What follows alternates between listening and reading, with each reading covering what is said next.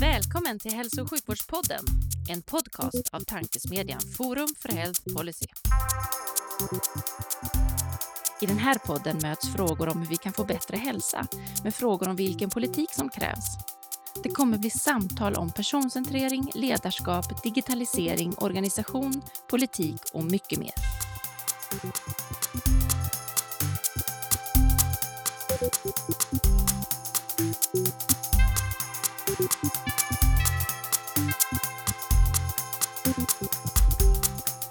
Hej och välkomna till Tankesmedjan Forum för Health Policys initiativ för att sprida goda idéer och tankar kring dagens och framtidens hälso och sjukvård och omsorg. Hälso och sjukvårdspodden. Jag heter Magnus Lejelöw och arbetar till vardags för Colivia, men är även styrelseledamot i Forum för Health Policy. Och vid min digitala sida sitter som vanligt en annan styrelseledamot i Forum för Health Policy, Livia.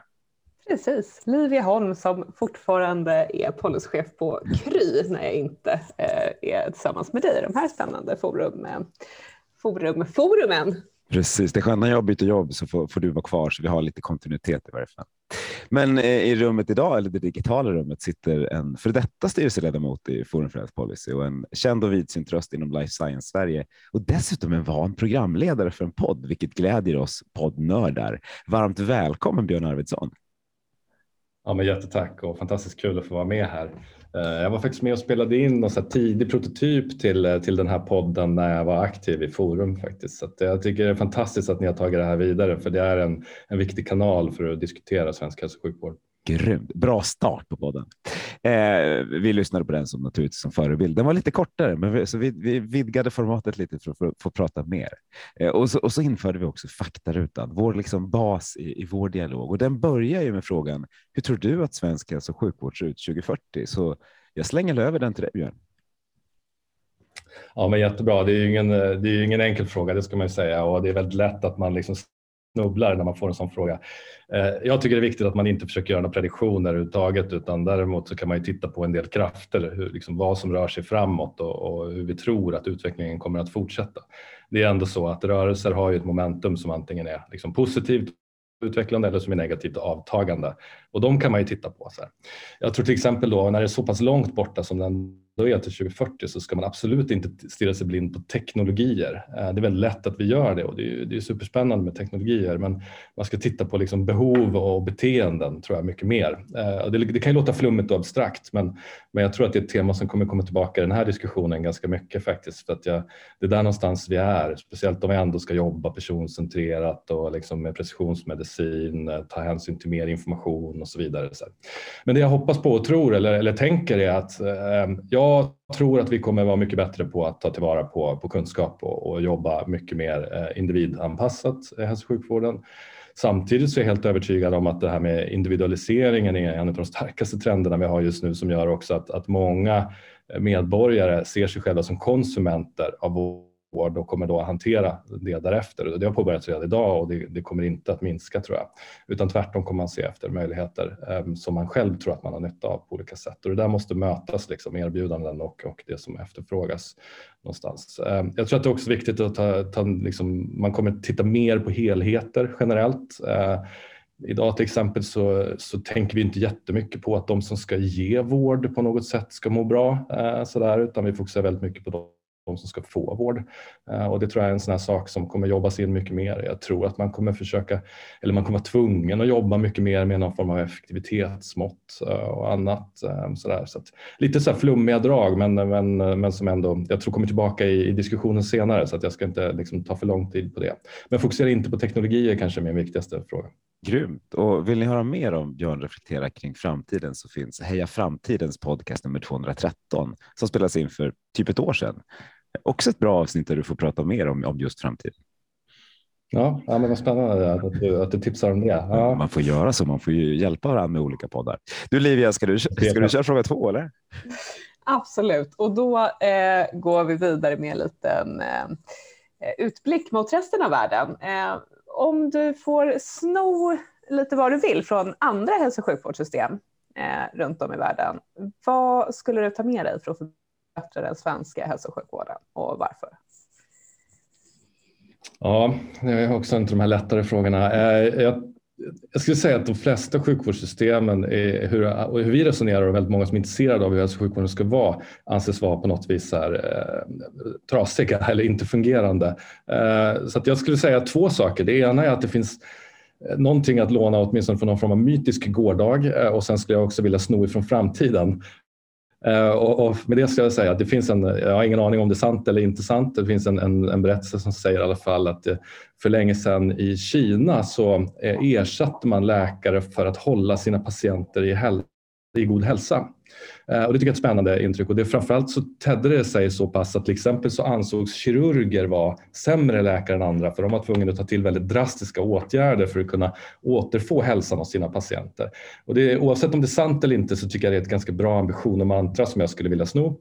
Och när man säger från, att sno från morgondagen då så, så lite tillbaka till det vi berörde nyss skulle jag nog säga att jag skulle vilja sno ifrån ett system där vi använder all väsentlig information och ur den tar de bästa besluten.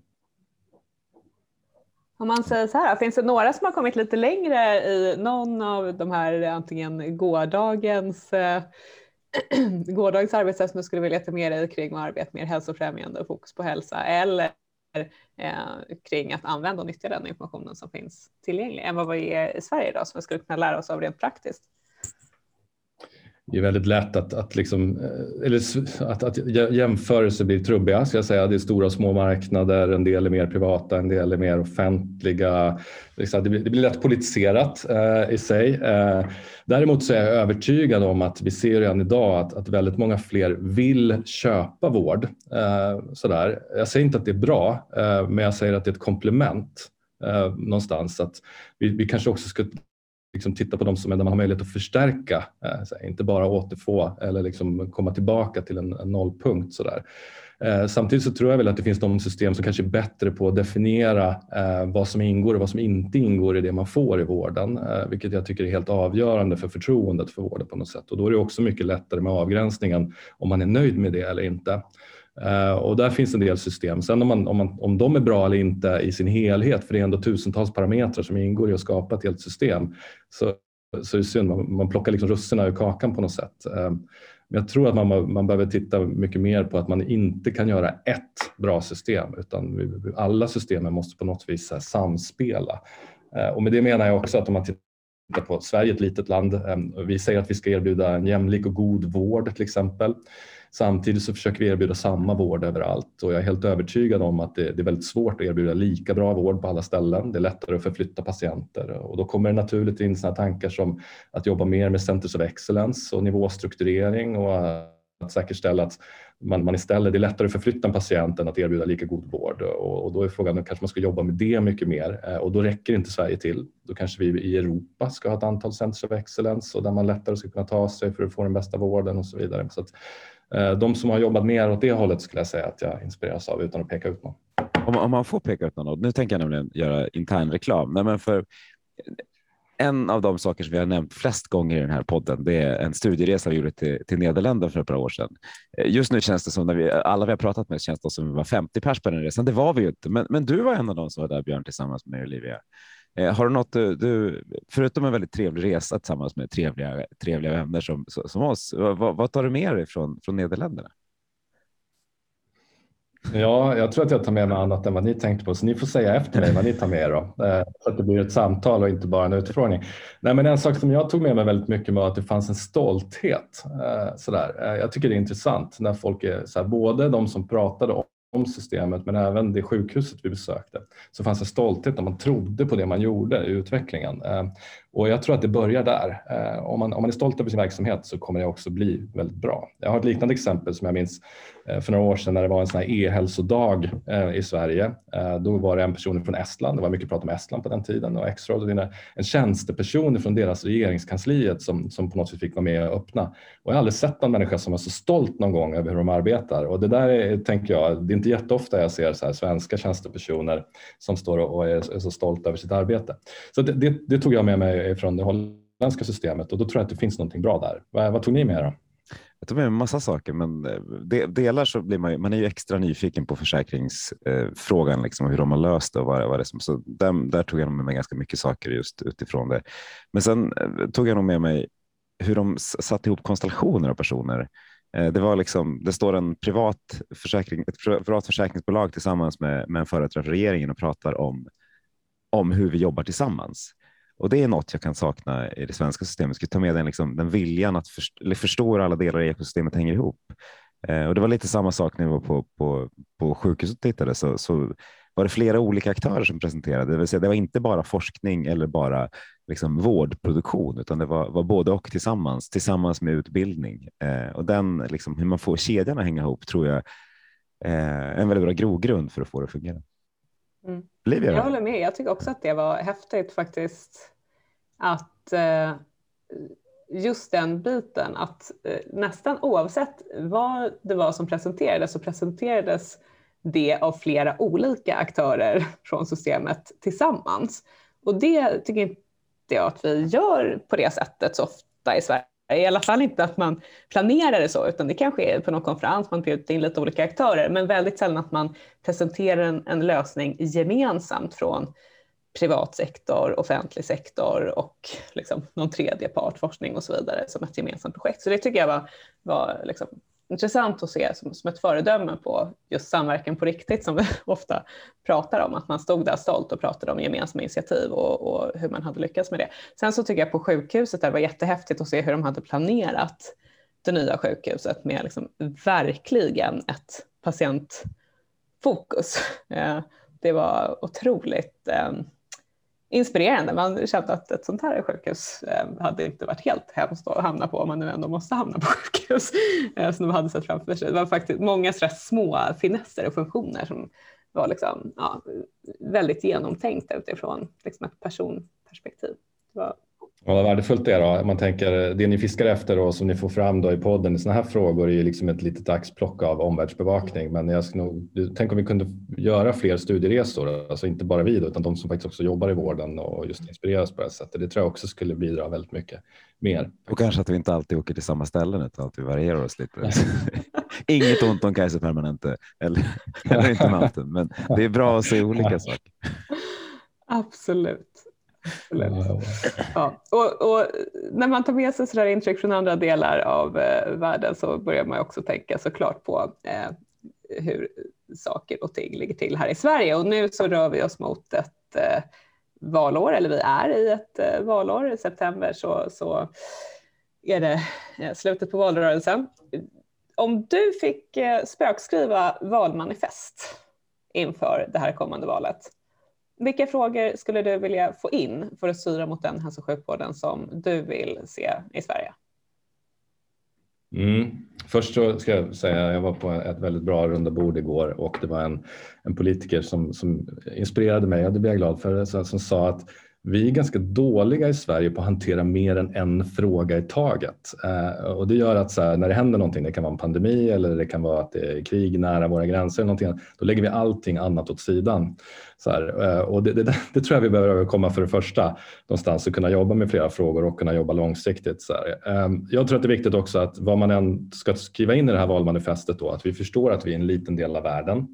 Vi förstår att svensk hälso och sjukvård bara är en del av erbjudandet för många svenskar eh, och vi ska därför inte suboptimera ett system som tror att den är det enda erbjudandet som finns.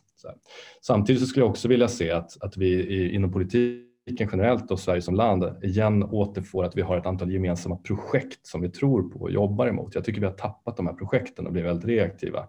Det är ingen som längre vill säga vad man vill göra utan man är mer noga med att säga vad man eventuellt inte vill göra eller vad man tycker att de andra gör fel. Sådär. Eh, och där skulle jag vilja se lite mer liksom att man målar upp några projekt. Sen kan de vara ganska trubbiga. Det kan vara liksom så här, ja men nu tror vi faktiskt på att vi ska jobba för att göra en, en hälso och sjukvård som, som är i världsklass och det ska gå till på det här och det här viset. Eh, jämlikhetsfrågan ska vara viktig eh, och ska vara helt avgörande. Det som har liksom fram till nu också gjort oss till, till liksom ett bra land och, och vi får inte tappa det mycket. För att det är också så att alla krafter som har med utveckling att göra utmanar jämlikheten. Eh, och det betyder inte att det är dåligt med, med förändring eller innovation utan det är bara det att vi måste säkerställa att vi också belönar de som går tvåa, de som går trea och så vidare och inte bara de som går först och att man sen inte kopierar det någon annan har gjort. Sådär. Eh, jag är också helt övertygad om att vi måste hitta sätt och uppmuntra för att kunna jobba eh, från offentligheten eh, direkt med näringslivet i utvecklingen av vården. Och så här, vi utgår ifrån behov vi har och, och vi söker partners som, som kan hjälpa oss att nå dem. För det är uppenbart att vi behöver innovationskraften i näringslivet. Vi behöver risktagandet i näringslivet för att utveckla eh, hälsan i landet. Så, där. så att den tycker jag är, är avgörande. Och, och, sen så behöver vi se över hela allt vi jobbar med, sättet med budget och ersättningssystem för att inte göra eh, liksom en massa dumma saker. Eh, tillbaka till liksom, hur mäter vi oss själva? Eh, vad är det som egentligen har en effekt för vår hälsa istället för om vi är produktiva nog. Till exempel. Så, så att, eh, ni fick inga ordagranna liksom, såna här eh, plakat av mig eh, och det bjuder jag inte på men däremot så tror jag det är viktigt att förhålla sig till den här typen av tankar. Absolut. Nej, plakat var det verkligen inte och det är väl det, det som är ett problem. att alla de saker som, för allt du säger är jättevettigt och liksom saker vi skulle behöva göra, men det är svårt att göra en, en valpitch av det Eh, delvis och få, ja. få liksom ett allmänt intresse för att ekosystemet kring hälsodata ska vara så bra som möjligt. Det blir ju ingen spännande valfråga. Eh, så, och det ska nog inte vara det heller, utan det ska nog vara så att det är väl så att vi behöver få saker och ting som håller ihop under lång sikt, men vi behöver göra saker lite sexigt också. Så man måste förstå att liksom, allting är inte rent deterministiskt eller liksom att en sak leder till en annan sak, utan det är ändå så här, det är ganska tydligt att om vi gör en sak så påverkas tusen andra. Eh, och det är väldigt svårt att förhålla sig till det eh, och vi behöver backa tillbaka lite och titta mer holistiskt på en fråga. Eh, och jag, jag, det är svårt för oss. Eh, det är lätt att man, man fokuserar på en sak och sen så sätter man det på plakatet och så tror man att det ska göra skillnad och, och det gör en skillnad, men det är kanske inte den vi ville se. Plus att den gjorde då 999 andra skillnader kanske till det. Och det vill bara tänka om man inte förstår vad jag pratar om. Om, om vi tar bort människan från den här planeten så här, helt plötsligt, så här, då är det ju inte bara så här, en annan art eller en annan sak som påverkas av det, utan det är väl, allt kommer ju förändras. Till exempel. Så att eh, hälso och sjukvården är inte annorlunda. Den är ett system av massor med olika effekter, individer, eh, teknologier, verksamheter och så vidare. Så, så det går inte att, att sätta det på plakat. Det är verkligen inte. Det var inte det vi trodde heller kanske. Men det, det, jag satt började bara tänka på Liftarens guide till galaxen nu, hur, så, hur, vad som hände egentligen när människan försvann. Och det blir ett sidospår. Så Livia, du får, du får sköta sidofrågningen. Ska jag tänka på handdukar och guider. Vi gör det och då tycker jag att vi knyter ihop eh, faktarutan så att vi kan eh, få eh, höra lite mer om dig sen också. Och då vill jag att du berättar om din finaste patientanekdot. Mm. Det får ju vara precis hur jag tänker Då. det finns ju massor med fina anekdoter. Ehm, jag, jag tror att den bästa patientberättelsen är den som fokuserar på, på patientens välmående och upplevda hälsa på något sätt. Ehm, och då, då, tänker man ju alltid så här, frågan är väl Eh, är, eh, mår, vi eller, mår vi hur vi känner oss eller vad datat säger om oss någonstans? Eh, och, och så grovt exempel på det är ju lite det här med klassiska höftledsoperationer. Så här, är det att vi har gjort operationen eller att patienten kan gå efteråt som är värdefullt? Så. Men om jag ska dra något mer lite personligt här så jag vill säga att eh,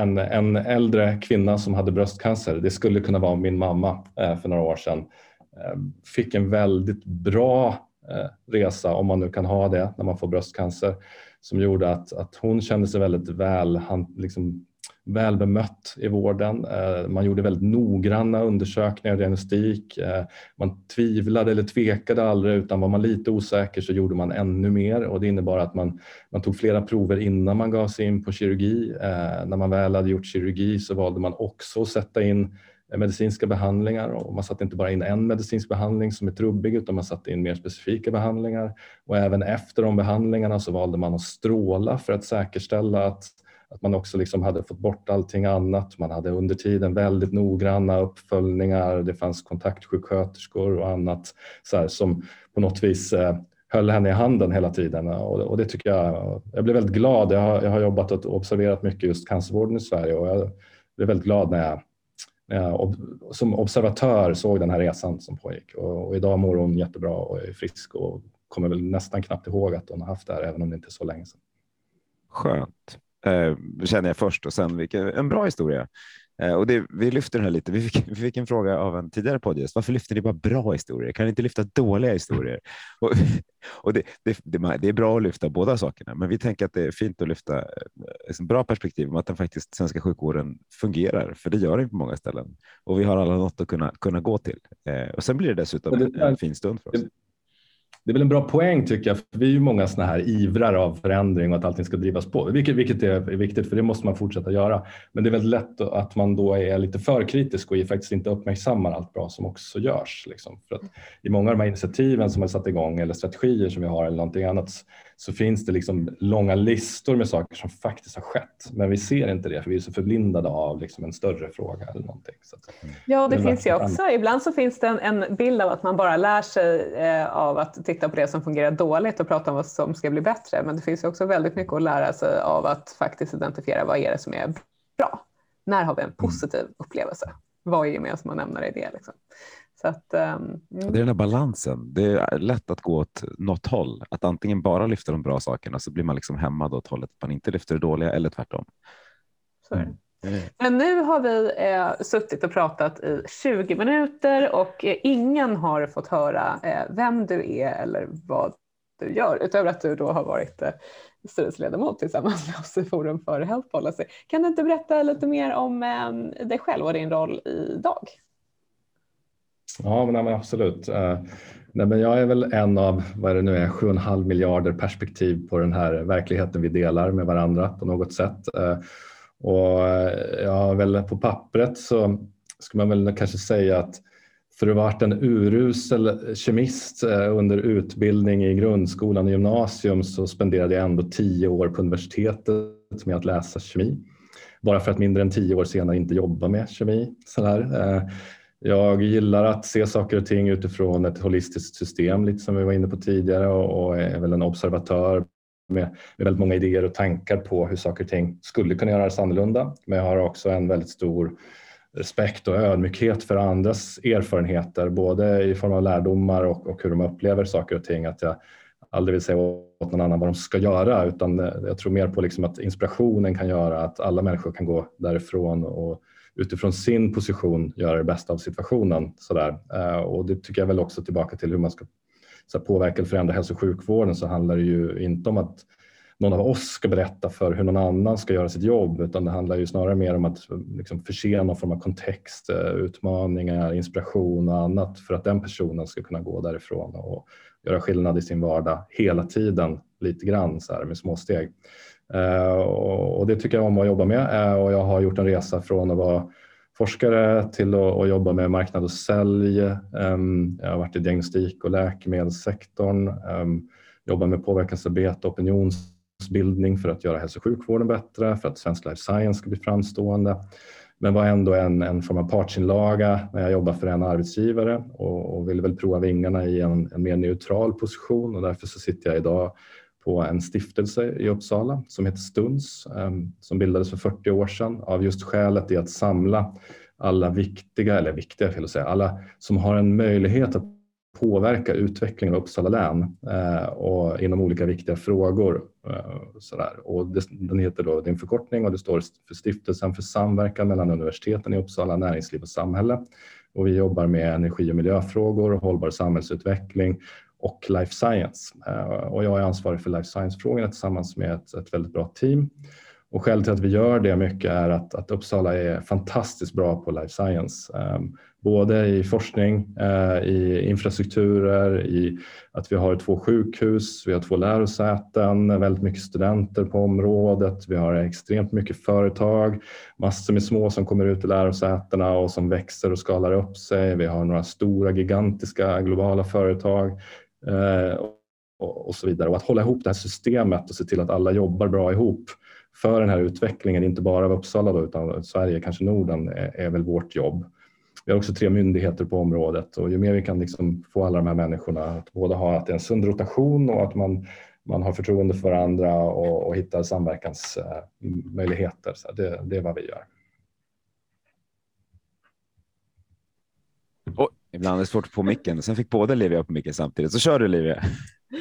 Ja, nej men eh, jag är lite nyfiken på rent liksom, konkret. Hur ser hur ser en arbetsdag för dig ut? Liksom? Vad, vad, vad gör ni för att främja den här samverkan mellan de här olika, olika aktörerna? För det är ju rätt svårt. Vi pratar ju om det mycket och ofta och det kan ibland bli lite fluffigt. Så att, eh, hur jobbar ni för att få det här eh, liksom, att fungera ja. bättre?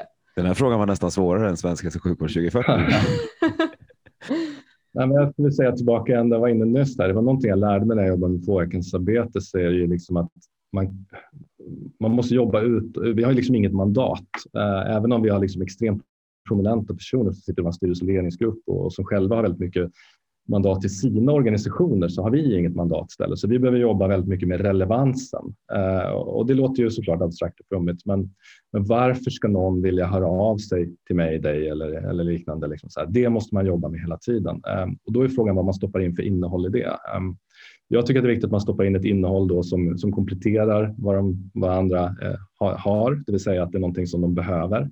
Och så bör man vara ganska tydlig och stringent i vad det erbjudandet är för någonting. Ehm, och när de då kommer till dig istället, eh, då vet du att de vill vara med i det här arbetet på något sätt.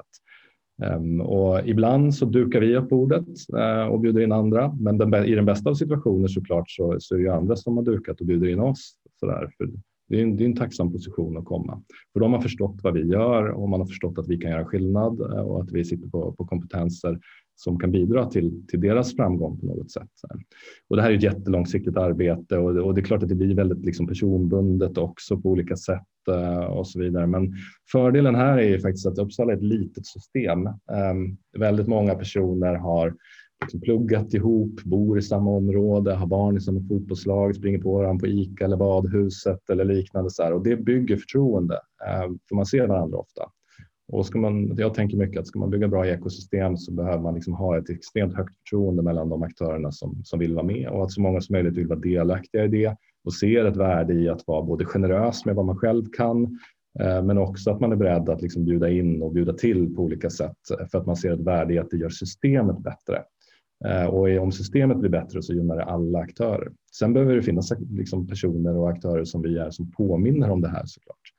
Sen ska man också komma ihåg att det här lilla systemet är ju liksom inte, man kan inte suboptimera det, utan det är en del av någonting annat. Så man behöver jobba liksom i en huvudstadsregionskontext, man behöver jobba i en Sverigekontext, i en Nordenkontext, i en EU-kontext och så vidare, så här på olika sätt för att attrahera in talanger och investerare och kompetenser på olika sätt eller att eh, inresande liksom personer som vill komma hit och titta på våra sjukhus och så vidare vet de inte om att Akademiska sjukhuset är enligt Newsweek på 51 plats i världen som innovativt sjukhus. Då kommer de inte komma hit och så vidare. Så att, ja, jag vet inte om det var det bästa svaret eller enklaste svaret på din fråga Livia, men, men det, det är ett långsiktigt förtroendearbete och relevansarbete hela tiden. Eh, och där är det bra att inte ha mandat, för jag tror att man går bort sig när man har mandat över folk och tror att det räcker för att eh, det ska ske någonting. Mm, det är bra. Det, du lyfter, du lyfter det liksom väldigt fint det där med, med man ses på fotbollsplanen. Där går jag alltid igång på, på fotbollsplanen, men alltså badhuset och Ica och så där. Eh, eh, vad, vad, tror du är den ur ditt perspektiv? Vad tror du är den lagom storleken på det? För Uppsala är rätt stort ändå ur en, ett svenskt perspektiv, fast ganska litet i ett världsperspektiv. Och varför borde inte det där liksom Umeå eller Kalmar eller vad det kan vara. Både, vad, liksom, vad, vad, är den perfekta, vad tror du är den perfekta fotbollsplans ICA slash eh, sjukhus eh, eh, liksom invånarantalet? Jag, eh, jag väljer att citera en person som jag ser väldigt mycket upp till, då, som är eh, Anders Ekholm sa någon gång för länge sedan i diskussionen om hur vi skulle formera oss i regioner i, i Sverige. När han sa att det finns eh, stordriftsfördelar och smådriftsfördelar, men det finns ju också då stordriftsnackdelar och smådriftsnackdelar. Så det finns inget ultimat system såklart. Eh, smådriftsnackdelarna är Uppsala eh, är ju då såklart att, att det är nära. Det är enkelt att ta sig, det är enkelt att träffas, man springer på varandra ofta och höjer förtroende. Ehm, smådriftsnackdelarna såklart är ju liksom att, att man, är, man är en liten plats i världen. Ehm, det, det, blir inte lika stora investeringar och så vidare eh, än så länge såklart. Sen växer Uppsala ska man säga och Uppsala växer också ihop med Stockholm i allt större utsträckning. Det blir en mer en huvudstadsregion och det, det gynnar bara Uppsala på massor med olika sätt. Sådär. Um, så det är en sak. Um, så att, uh, den perfekta storleken, jag vet inte, men om man tittar till exempel på Stockholm och, och när jag rörde mig mycket mer där i mina tidigare jobb så, så är det tydligt att det blir fler noder istället och kanske att, att de inte hänger samman på samma sätt. Och då är frågan, kan man organisera sig bort, bort det eller organisera sig till att hålla det samman på olika sätt? Det kanske man kan, men då behöver man liksom gränsgångare på något vis som rör sig. Och om man då ska jämföra till exempel med hälso och sjukvården som är fragmentiserad och silos, vad säger man? silobaserad på olika sätt så skulle man även där behöva hitta sätt där man liksom jobbar ihop eller springer på varandra eller möter varandra mer naturligt, eh, mer informellt och lite mer happy accidents plus det uppstyrda eh, där man också tar tillvara på alla perspektiv på så många sätt som möjligt. Mm. Så du tror inte det räcker med en gång mellan KS och KI? För att... Ja, ja men det var precis vad man säger, den, den bredaste vägen i Sverige eller något sånt där. Solnavägen. Nej, men visst är det så. Det, och det där kan man ju skoja om, men det, det finns ju både sanning och, och, grejer. Vi har ju likadant här i, i sjukvården. Alltså, regionhuset och Akademiska sjukhuset sitter inte ihop på massor med sätt eh, och man har lite olika roller, man har olika perspektiv man, man, behöver jobba närmare varandra alltid för att kunna få det här förtroendet. Och man behöver liksom ha respekt för andras kompetenser och andras mandat och andras möjlighet att förändra och, och inte alltid bara tro att det är man själv som sitter på de rätta kompetenserna eller, eller bilden av vart vi ska ta vägen. Det finns ju en anledning till att vi skojar om att man avståndet mellan Lund och Malmö, jordens omkrets minus två mil. det finns liksom, för att det är något där. Det, det är något, något, i att man blir inte alltid profet i sin egen hemstad stad heller. Så det är, det är kul. Liv, nu har Livia på micken. Nu, nu vill hon säga något. Ja, nej, men jag tänkte eh, fortsätta lite på, på eh, ta vid kring några av de ämnena som du lyfte från början, där, just apropå det här med eh, så att, säga, att få till samverkan och liksom förtroende mellan olika aktörer och så där.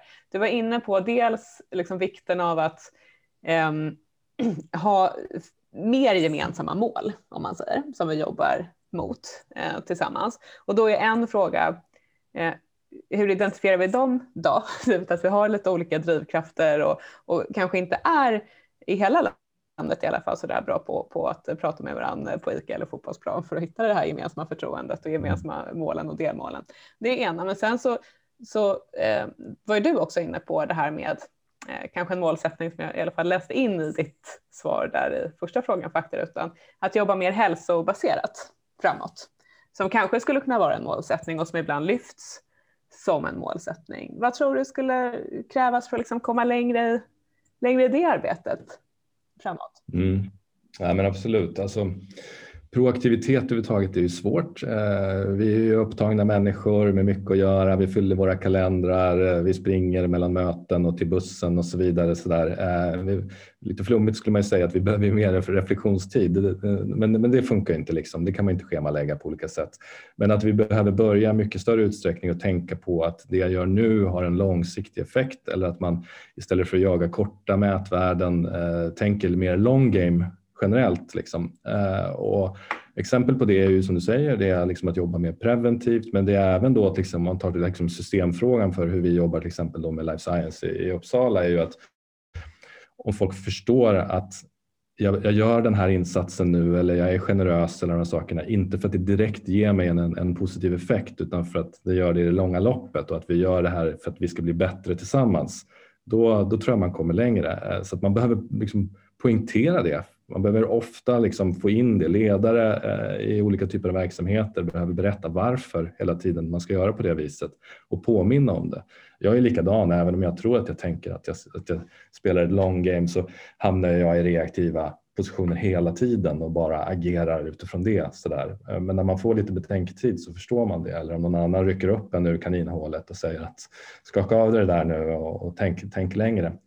Men när det kommer till om man tar hälso och sjukvården då, som ändå ska beröra så tror jag att, att eh, det är väldigt svårt att gå ifrån ett reaktivt system till ett proaktivt system sådär över en natt. Eh, jag tror att det är väldigt svårt att göra det över lång tid för att det är så många faktorer som spelar in i det här. Dels är vi inte tränade på det viset, vi har inte ersättningssystem på det viset, vi har inte finansieringar på det viset. Så där. Det är väldigt svårt. Eh, det är svårt att se att en, en åtgärd Eh, Eh, ska så säga vara värde eh, för att osäkerheten ökar ju i om det var rätt att göra eller inte och vi kommer aldrig få svaret eh, eftersom vi eventuellt hindrade någonting från att uppstå och så vidare. Så, att, så att det är en komplex fråga och där måste man i så fall egentligen, så att säga, nu låter det lite slarvigt då, i, i en podd ska man inte göra citationstecken, men jag gör en så här luftcitationstecken och säger, säger att vi måste liksom bara bestämma oss för att göra det eh, på något sätt. Men jag tror också att, att idag lägger vi väl 2 till 3 procent av, av budgeterna på att jobba lite mer hälsofrämjande eh, och det räcker ju inte såklart. Eh, och de andra 97 procenten är ju otillräckliga tycker alla ändå för att göra det jobbet man ska. Eh, vi kommer inte sluta göra reaktiv vård bara för att vi blivit otroligt bra på proaktiv vård eller preventiv vård utan det kommer alltid finnas liksom reaktiva behov. Vi kommer råka ut för olyckor av olika sätt och det kommer ändå uppstå sjukdomar och följdsjukdomar och så vidare. Eh, och därför så måste man liksom bygga upp ett bra preventivt system först Eh, innan man eventuellt kan börja nedmontera eller prioritera bort det reaktiva. Eh, och då behöver man kanske dopa systemet ekonomiskt. Så där. Eh, och det är klart att det finns tankar på det och det kommer väl också upp tror jag, på den här resan vi ändå var inne på, att hålla med liksom lite mer såna här eh, Eh, sociala utfallskontrakt eller någonting annat, hitta ett sätt att få externa finansiärer. Men det bygger också på att man kan se ett värde i den investeringen och att den investeringen kan betala tillbaka sig till den finansiären som finns. Så då behöver man igen kanske använda mer data och vi behöver kunna sätta ett värde på vår hälsa. Vi behöver kunna bedöma vår hälsa så att man kan säga att du Magnus, du har, det ligger på en hälsa på 72 poäng. Liksom. Eh, att höja dig till 78 poäng är värt 3,4 miljoner kronor och då kan någon annan tycka att det är värt att stoppa in pengar för att liksom göra insatser som hjälper dig till det och så vidare. Så, så att, och det här tittar man ju på som tur är utanför hälso och sjukvården också. Man gör det ju andra samhällsfunktioner Eh, hur man kan lösa. Det kan vara att liksom fler ska klara av skolan eller att nyanlända snabbare ska liksom få möjlighet, komma en möjlighet till jobb eller lära sig svenska. Liknande. Det i sig har ett värde, men då måste vi börja värdesätta också effekter och då måste vi börja tänka investeringar. Eh, och det är vi inte så bra på när vi har jobbat med liksom ettårsbudgetar och sånt. Vi har ju svårt att investera i journalsystem eller, eller andra, andra dyra saker som sjukhus eller sånt. Eh, så att vi måste börja tänka där också långsiktigt och investeringsmässigt. Och då är det svårt igen, för då kommer vi tillbaka till vilka det som beslutar om det och hur länge har de mandat och tycker de att det är värt att ta ett beslut som de aldrig kommer få se effekten av och så vidare. Så, så det, är svåra frågor. Ja, hur? Och om någon där ute känner att ja, men ni vill investera 3,4 miljoner för att höja mig från 72 till 78, det är bara att säga till. Eh, jag höjer mig gärna därifrån. Eh, man håller på med ett sånt här eh, projekt i Stockholm, det som ett Health Integrator avsnitt 24 eller så där i vår podd. Eh, jobbar med för, liksom, just sociala investeringar för att för, förbättra för diabetiker. Eh, det som när vi har diskuterat det i olika eh, sammanhang, forum ordnat workshops och liknande, så kommer det ofta upp den här liksom, balansen. Men vi har ju pengarna redan. Vi har, alltså, varför ska vi låna pengar i ett socialt investeringskontrakt där det redan finns jättemycket pengar i systemet? Eh, och det, det är ju svårt att svara på, även om du svarar på den i form av att det, det redan sitter i olika kort, kortsiktiga budgetar. Men hur, hur får man? Vad tror du? Är det, är det vettigt att låna pengar för att få igång någonting eller skulle, man, skulle vi kunna liksom, inom systemet lösa det? Allting beror ju på. Om man tänker liksom endimensionellt så låter det ju så här. Ja, men okej, vi dopar det här systemet sen så tar vi bort pengarna igen om 20 år, så här, då kommer vi tycka att vi får ett sämre system. Det kommer ju ingen vara speciellt nöjd med. Men om vi ser det istället som ett, ett mer komplicerat system där, där vi har olika typer av finansieringar som bidrar till vår hälsa, eh, vilket det faktiskt egentligen redan gör idag. Det är bara att vi, vi inte tänker på det på det viset, för vi, vi tänker även där i olika budgetposter. Då tror jag inte det är så farligt eh, på något vis och tvärtom. Liksom, stora delar av samhället byggs ju upp av privata finansiärer liksom, eller liksom näringslivstoppar eller någonting som antingen finansierar som, som skulle kunna vara offentligt eller faktiskt att näringslivet i sig eller, eller en privat eh, arbetsgivare som betalar försäk, sjukvårdsförsäkring till sin personal och sånt där. Det dopar ju också systemet på ett sätt. Speciellt om den vården ges utanför det som erbjuds i normala fall och så vidare. Så att, jag tror att igen man behöver fundera på vad det är man vill uppnå, vilka som vill vara med på den resan och, och på vilket sätt man, man ska göra det istället för att, tänka i enskilda dimensioner. Sådär. Så det är klart möjligt skulle jag säga. Eh, och igen, eh, är inte hälsan det viktigaste vi har? Eh, och, och, hur mycket påverkar hälsan allt annat? Eh, jag satt igår i ett seminarium och skulle som vanligt tala mig varm för värdet av life science och, och då till exempel så har man har några räknat ut att varje jobb inom life science bidrar till tre andra jobb eller tre och ett halvt andra jobb som kan vara liksom folk som jobbar på mässor eller hotell eller restaurang eller underleverantörer och liknande. Det är inte annorlunda med vår hälsa. Eh, om jag mår bra, då mår, mår, min dotter bra och då kanske min partner mår bra och sen så mår mina kollegor bra och så vidare. Att allting har ringar på vattnet. Eh, och det är klart att det är komplext att sätta sig och räkna på när man ska översätta det till kronor och ören och, och budgetsystem. Men, men jag tycker att vi, vi borde försöka mer. Mm. Ja, verkligen. Det är en komplex fråga. Jag försökte göra den lite svårare än vad den var egentligen, men det, den är ju svår i grunden. Du, Nanna, jag tänkte ställa en jättelång fråga nu igen, för nu ska jag köra lite reklam först och sen så blir det en fråga igen. Och reklamen handlar om en, en videopodd som, som du gör tillsammans med Jenny Norborg för Life Science-kontoret.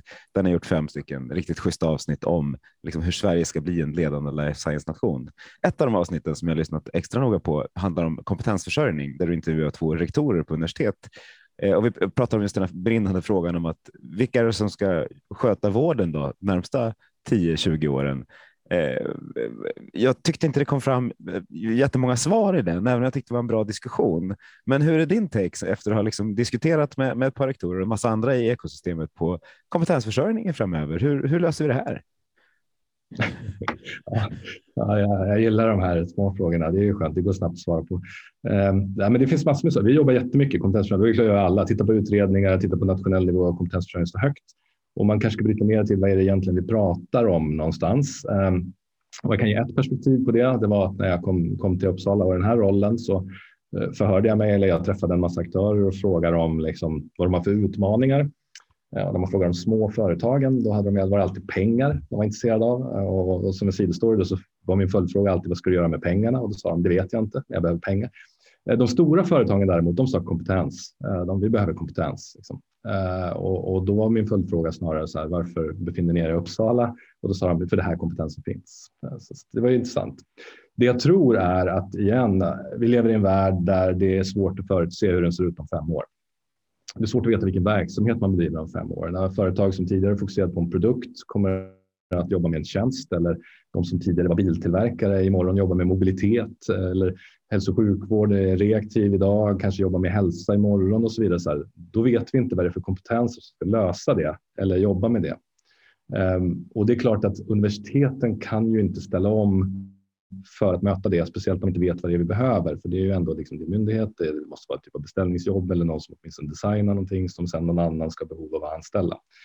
Det jag tycker är intressant utifrån kompetensförsörjningsfrågan är ju eh, komplettering. Liksom. Eh, jag är jätteimponerad av hur man har länge jobbat till exempel inom cancervården med multidisciplinära team. Så cancervården är ju liksom är ju väldigt diversifierad egentligen i att så här, du kan antingen ska du ha kirurgi eller så ska du ha medicinsk behandling eller ska du ha strålning och det är också tillbaka till den berättelsen jag berättar. Men om du samlar kompetenserna ifrån från radiologin, från kirurgin, från onkologin, från patologin och så vidare i samma rum och, och jobbar runt patienten, då lär man ju varandra saker eh, och då kanske man ser att, att man kan komplettera varandra i det här eh, istället för att det bara blev en, en remittering direkt till kirurgen. Eh, och det tror jag man kan göra mycket, mycket mer oavsett om det är hälso och sjukvård eller i, i någon form av eh, eh företag eller privatsfär. Och, och, lite så tror jag att man jobbar i det här som kallas för agilt inom eh, företag som jobbar med, med programmeringsutveckling eller liknande. Så här, att jag är okunnig här, men jag tror att det är mycket mer. Man jobbar i kortare stintar och man jobbar med tydligare mål och sen så tar man in de kompetenser man behöver för att lösa just det här. Eh, och, och, och, det tror jag, för då behöver vi inte, vi behöver inte längre utbildningar, vi behöver inte bli mer experter, vi behöver inte bli mer generalister eller någonting, utan vi drar nytta av de kompetenserna vi har. Men sen ska man väl också komma ihåg att kompetensförsörjningsfrågan handlar ju också väldigt mycket om att har vi, har vi tillräckligt många händer och huvuden i verksamheten? Eh, och på något vis är det samma sak där. För varje, varje person vi stoppar in i en organisation så kommer vi behöva tre till personer. Sådär, för den skapar jobb åt andra. Den bokar upp folk på möten eller, eller den, den skickar ut Excel-ark som sysselsätter någon annan eller, eller liknande. Så här. Eh, och då är, ska man alltid fråga sig, så här, tjänar vi på att den här organisationen växer eller, eller blir det kontraproduktivt mot den uppgiften vi har? Så där. Eh, det tycker jag är en annan fråga. Och sen så tror jag att om man ska utveckla verksamheter och kompetensförsörjningsfrågan, då ska man nog titta lite mer i, i annan tematik. Eh, alltså det vill säga att det är inte, eh, life science så som traditionellt har varit till exempel kommer ju inte att digitalisera sig själv med hjälp av farmaceuter utan utan det kanske är annan kompetens som behöver komma in och inget ont om farmaceuter. Nej, verkligen inte. Roll. uh, sådär. Och då behöver man liksom vara ödmjuk för det. Men det är också jättesvårt. Jag har aldrig rekryterat liksom, folk som kommer från tech eller digital tidigare. Så hur, hur, hur, är de att jobba med? Hur är kulturen och så vidare. Så Men jag tror att vi måste i mycket större utsträckning. Uh, och då behöver vi hitta de här som kompletterar varandra igen. Och så organisera det på ett klokt sätt. Mm. Och det där är ju eh, någonting som, som jag tycker ganska ofta kommer upp, att olika, vi behöver komplettera kompetenser i en större utsträckning och jobba liksom mer eh, så att säga, nästan sektorsöverskridande, framförallt kanske när det kommer till teknisk kompetens och vårdkompetens och så vidare. Eh, men det är lite klurigt, för man har olika kultur och språk och arbetssätt och liksom historik och så vidare som, som gör det där lite, eh, lite utmanande. Och det här tycker jag, det diskuteras ofta liksom i relation med eh, vår förmåga att eh, ta in och skala upp nya innovationer. Mm. vad, liksom, vad är din bild av hur, hur bra vi, vi är på det där? Att, att få till den samverkan och, och skala upp nya lösningar på, på liksom ett effektivt sätt. Och finns det saker som vi skulle kunna göra för att bli bättre på det? Behöver vi bli bättre på det? Ja, absolut. Eh, ja, men det, och det, även här finns det ju olika typer av tankar. Det ena är ju liksom man kan göra någon form av liksom iterativ förbättring och det tror jag den egna verksamheten klarar ganska bra om man har en bra kultur och liksom ett bra ledarskap i att man, man kan göra samma sak på lite annat sätt med lite högre effektivitet eller, eller någonting annat. Det svåra är väl liksom när man ska avlära sig eller lära om eller, eller liksom tänka helt annorlunda och inte utgå från vad man redan vet på något sätt för att göra skillnad. Och det kan ju vara så här i den enklaste formen liksom att om vi är vana vid att, att vi, vi upphandlar produkt A, liksom, för det är det vår verksamhet har gjort och när, när kontraktet har gått ut då handlar vi liksom den nya varianten av produkt A. Men egentligen så kanske det är en helt annan typ av lösning vi behöver för att vi ska bli en bättre verksamhet. Men vi vet inte vad det är. Så att, att fokusera lite mer på vad är det vi inte vet att vi inte vet? Sådär. Det, låter, det låter ju flummigt och abstrakt men, men det där är ju någonstans som sanningen gömmer sig. Um, och, och, vi behöver fundera på det. Och, och då igen, då behöver man ju liksom få chansen att prova. Uh, eller hur? Alltså så här, vi kommer aldrig veta om det här blir rätt. Eh, och jag tänker ofta på att vi är ganska dåliga på att ta beslut i Sverige. Liksom, på många olika sätt. Vi väntar länge, vi har mycket utredningar, vi vill ha mycket faktaanalys och vi sitter och tänker länge innan vi gör det. Alla ska vara överens. Så här. Och sen gör vi någonting som vi ändå tycker är fel.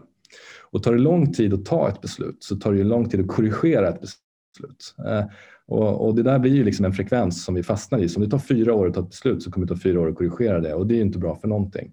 Och ju, så ju snabbare vi kan ta beslut så kan vi korrigera det snabbare och då tror jag att vi hittar rätt mycket, mycket fortare i, i itereringen. För vi vet fortfarande inte resultatet. Ingen vet det i förväg. Och det är lite det som det här liksom med precisionsmedicin ändå handlar om i, min, i mina ögon. Liksom att så här, mät, följ upp, mät, följ upp och, liksom, och, och ändra på något sätt. Så här, och gör det så ofta som möjligt. Ta tillvara på information och kunskap i mycket större utsträckning än vad vi gör idag. Så på något vis kommer frekvensen att leda till att vi får en bättre precision i det vi gör. Men det gäller ju även beslutsfattare i organisationer generellt, liksom, om man backar tillbaka lite. Att våga ta snabba beslut och vara fine med att oavsett vad du gör så kommer du eh, liksom bli tvungen att ändra det. Tala om beslut och, och råd och så där. Om, du, du har en intressant karriär för du har liksom rört dig mellan olika sektorer och gjort en massa, massa olika saker. Om, om Björn idag fick gå tillbaka och ge råd till, till forskarstudenten Björn och till eh, Björn som jobbar på ett läkemedelsföretag, vad skulle du gett då? Liksom, vad, har, vad har du lärt dig av livet som du skulle vilja berätta för dig själv? Wow, är det här början på min biografi? Ja, liksom? absolut. Talet till Nej, men, nej, det här låter skittråkigt ska jag säga, men, men jag tror ju att man hamnar där man hamnar av en orsak. Alltså på samma sätt som vi, vi kan inte förutse framtiden, men när vi står där i framtiden så ser vi alla spåren som ledde fram hit på något sätt sådär, och tycker att de var ganska självklara. Eh, och jag skojade där om att läsa länge kemi och sen inte jobba med kemi och någonting annat. Så Egentligen är liksom kemin ointressant utan det kanske är så färdigheter och intressen som är liksom runt omkring det. Nyanserna av det som jag egentligen har lockats av och som egentligen har utvecklat mig till den personen jag är. Så och, och, ska man ta något exempel, jag tror att så här, min vilja att, att vara med och liksom inspirera och påverka tror jag faktiskt har funnits där hela tiden. Jag var så här tidigt med i elevrådet när jag var barn och suttit med som doktorandrepresentant i institutionsstyrelser och så vidare. Jag har alltid liksom tagit mig platser eh, där jag har liksom haft någon form av inflytande eller möjlighet till inflytande. Och det, det är kanske det som är det centrala liksom, soundtracket i mitt liv, mycket mer än, än vilka arbetsplatser jag har haft eller, eller eh, liksom så. så att, Eh, Eh, det är en svår fråga, men, men generellt ska jag säga att jag tror att här, man, ska, eh, man ska ha ett jobb. Jag har alltid liksom, ha haft ett jobb eller tagit ett jobb eller agerat på mitt jobb utefter mina egna värderingar och, och liksom låtit det vara lustfyllt och, och passionsdrivet. Eh, sådär. Och så länge det är det så har man ett väldigt starkt engagemang och får ut väldigt mycket av sig själv. Och det är väl någonting jag önskar alla andra människor att, att våga göra i mycket större utsträckning. Och jag hoppas att man bygger organisationer där vi får ut så mycket som möjligt av alla människor. För jag är helt övertygad om att alla kan bidra med mycket, mycket mer än vad de idag bidrar med utefter sin jobbeskrivning om man bara tillåter dem. Mm. Ja, tror du att det är, hur tror du att det är kopplat till ledarskapet då i vården? Jag är lite nyfiken på att höra din bild av eh, vårdens eh, ledarskap och, och, vad vi kanske behöver mer av där. För det låter ju fantastiskt, precis det här vill man ju att alla ska få känna eh, i, i sin yrkesroll. Snygg radioövergång också Olivia. Där. ja, det här har ni gjort förr. Ja. Nej, men man kan ju tänka i alla situationer eh, så kan man ju välja om man vill ha mer kontroll eller ge mer förtroende. Eh, man kan inte göra både och. Eh, har du liksom, är du lite ängslig i din organisation eller i ditt ledarskap eller ditt mandat eller något så kommer du kräva mer kontroll och det är oftast en negativt momentum. Om du ger förtroende, eh, ja men då har du ju chansen att åtminstone att det kan hända någonting som du inte förutsåg. Sådär. Eh, och det kan ju vara jätteläskigt, men det kan ju vara fortfarande väldigt, väldigt bra eh, och det kan bli någonting annat än vad ni hade tänkt er. Och, så. och du får ut kraften om man slarvigt eh, får tänka alla organisationer som en pyramid så är det jättedumt att bara den som sitter liksom högst upp ska besluta om vad man ska göra för då använder man inte kraften i liksom alla de andra eh, liksom skarpa hjärnorna som finns i den här organisationen och tankarna och känslorna och erfarenheterna. Så, här. så hur kan man få ut så mycket som möjligt av alla aktörer? Då måste du ha ett ledarskap där du faktiskt så här, tycker om att säga ja. Eh, jag brukar själv tänka det, om, om någon av mina medarbetare kommer till mig med, med en idé, oavsett vad den är, så kan jag inte säga någonting annat än ja. För att om jag säger nej, då kommer de aldrig komma med en idé igen. Så här, och vad har jag gjort då? Jo, men då har jag bara begränsat möjligheten. Och det jobbar ju ändå och alla är ju smarta nog att förstå att så här, de, de gjorde det här, de tar ett ansvar för det de gjorde och även om det blir knas så, så liksom kan de själva förstå att det blir det och korrigera det eller göra någonting annorlunda. Men om du har en bestraffningskultur istället för en belöningskultur eller man ska säga liknande så, så då kommer de kanske inte att säga att det blev knas eller att man kommer måla in sitt hörn eller någonting annat. Medan om du har den här förtroendesituationen eh, då kanske de kommer att be om hjälp eller någonting annat för att ta sig ur en krånglig situation istället som de råkade liksom hamna i eller annat. Eller så blir det bara fantastiskt bra och helt nytt. Liksom. Jag handleder en del studenter och det och de brukar vara väldigt förvånade när jag säger att de ska vara i förarsätet av sitt eget arbete och att jag aldrig kommer säga åt dem vad de ska göra utan det ska de själva göra. Däremot så kan jag ställa väldigt mycket frågor för att de ska ta sig framåt. Men det brukar bli superbra eh, i slutändan för att då kommer de med nya perspektiv istället för att det bara blir ett beställningsarbete med ett resultat som, som jag hade kunnat liksom önska mig innan men som inte hjälper mig någonting. Nu får jag ju någonting som som åtminstone får, får igång tankarna hos mig och andra som ser det här arbetet. Och precis så tror jag man ska tänka, även i hälso och sjukvården, även i reglerade branscher. Ja, det är jättebra. Som en, som en ja-sägare tycker jag det låter som en väldigt bra metod. Men jag brukar hitta kollegor som faktiskt säger nej också, för jag tror att de behövs som balans för oss ja-sägare så att man hittar någon slags eh, det alltid, alltid går att bolla saker och få, eh, liksom, få, få någon slags sanity check på det man gör. Eh, det är inte lätt det där. Nej, men alltså det måste ju vara omdömesfullt och det är klart man ska fråga om råd och annat liksom, eller liksom ta hjälp eller komplettera varandra som vi varit inne på. Få med sig några andra i arbete. Man jobbar ju aldrig själv egentligen. Så där, så att, Sen är vi farliga när vi sitter flera jag-säger och säger ja till allting. Det blir väldigt många idéer då, men det är roligt det också. Det finns ju lite ja. mellanvägs med ja, men. Kanske. Ja, ja, ja. ja och. Ja, men det är bra. Du Björn, vi har ju suttit i en, i en pandemi här en sväng vilket är helt underbart för jag får sitta i min källare med, med, med radiomick här. Men, men i, i övrigt så det finns ju massa, massa bra saker som vi har tagit med oss, massa dåliga saker förutom det själva liksom, det pandemiska som, som har skördat liv och så. Men vad, vad, har du, vad har du lärt dig tycker du som, som människa och som, som liksom, ansvarig för den verksamhet du, du, du leder under pandemin?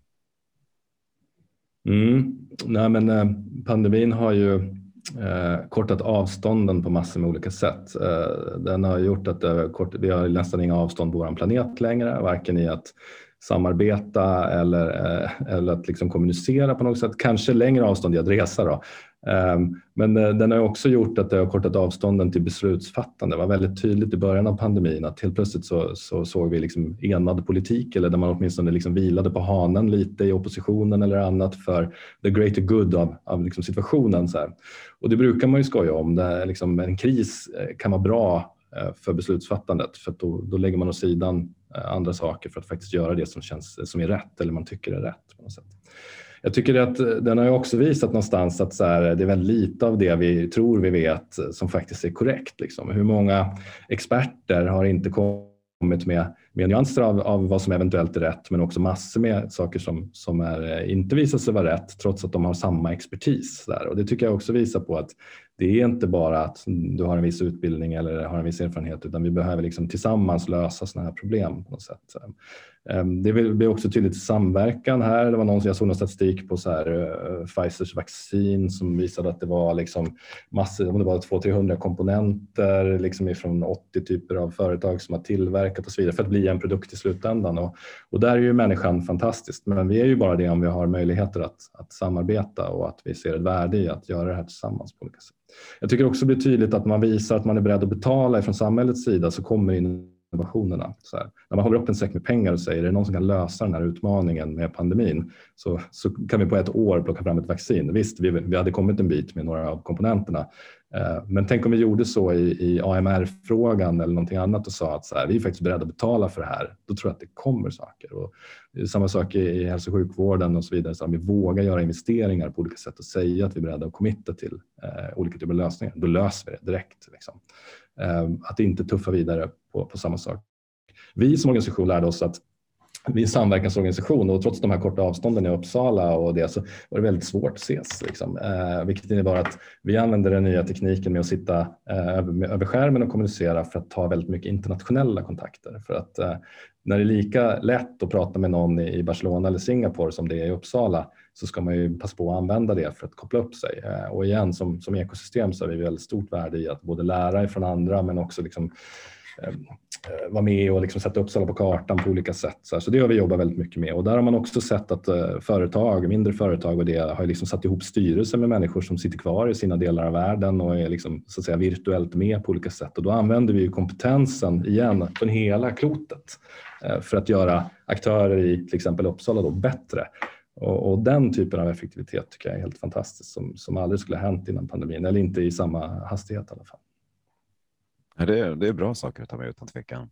Vi är rätt måna om folkhälsan, eh, det har vi sagt förut och nu har vi näst, de som varit ute och promenerat och lyssnat på den här varit ute nästan en timme eh, och det tycker vi liksom, vi vill inte ha förslitningsskador heller. Så det är en, det är en hårfin balans som allting annat här i livet. När du kom in i det här digitala rummet Björn, eh, var, var det något du tänkte att det här, det här skulle jag vilja prata om som, som vi inte har touchat överhuvudtaget? Nej, men jag, jag, kan väl säga liksom, jag tror att eh, ibland har jag börjat slänga mig med uttrycket att vi måste spela mer jazz tillsammans. Eh, och med det menar jag att, att i, i, min omusikaliska syn på det så är jazz för mig ändå ett sätt att stoppa ihop väldigt skickliga aktörer, att skapa liksom någon form av unikt stycke utan att ge avkall på sin egen skicklighet. Och, och, det tror jag ändå knyter ihop lite av det här vi har sagt. Och sen så skulle jag också vilja att vi använder vår fantasi mycket mer för att det vi kan föreställa oss kan vi faktiskt också skapa eh, och det går inte tvärtom. Jag ser det är en farlig liknelse, för när, för när man blir för liksom avancerad då, då, förstår ju ingen vad man vill eh, förmedla i liksom musiken heller. Så det, eh, ja, det, den där ska jag tänka vidare på. En, en bra, ja. bra liknelse. Så jag tänker att det kan vara perfekta slutord. Så får ni ta med er den eh, freebasande jazzsaxofonisten eh, mer ut i, i, i världen där vi ska försöka förändra den här svenska hälso och sjukvården tillsammans som jazzmusiker. Eh, tack Björn varmast för en stimulerande timme så här på fredag som det är när vi spelar in. Ja, tack för förtroendet att jag får vara här och förtroendet för alla som lyssnar såklart om ni har kommit så här långt i det här avsnittet. Ja, men exakt. Så, så, så, låt, låt Björn vara vår dirigent här i jazzorkestern så, så, så kör vi vidare tillsammans. Tack så mycket allihopa. Tack.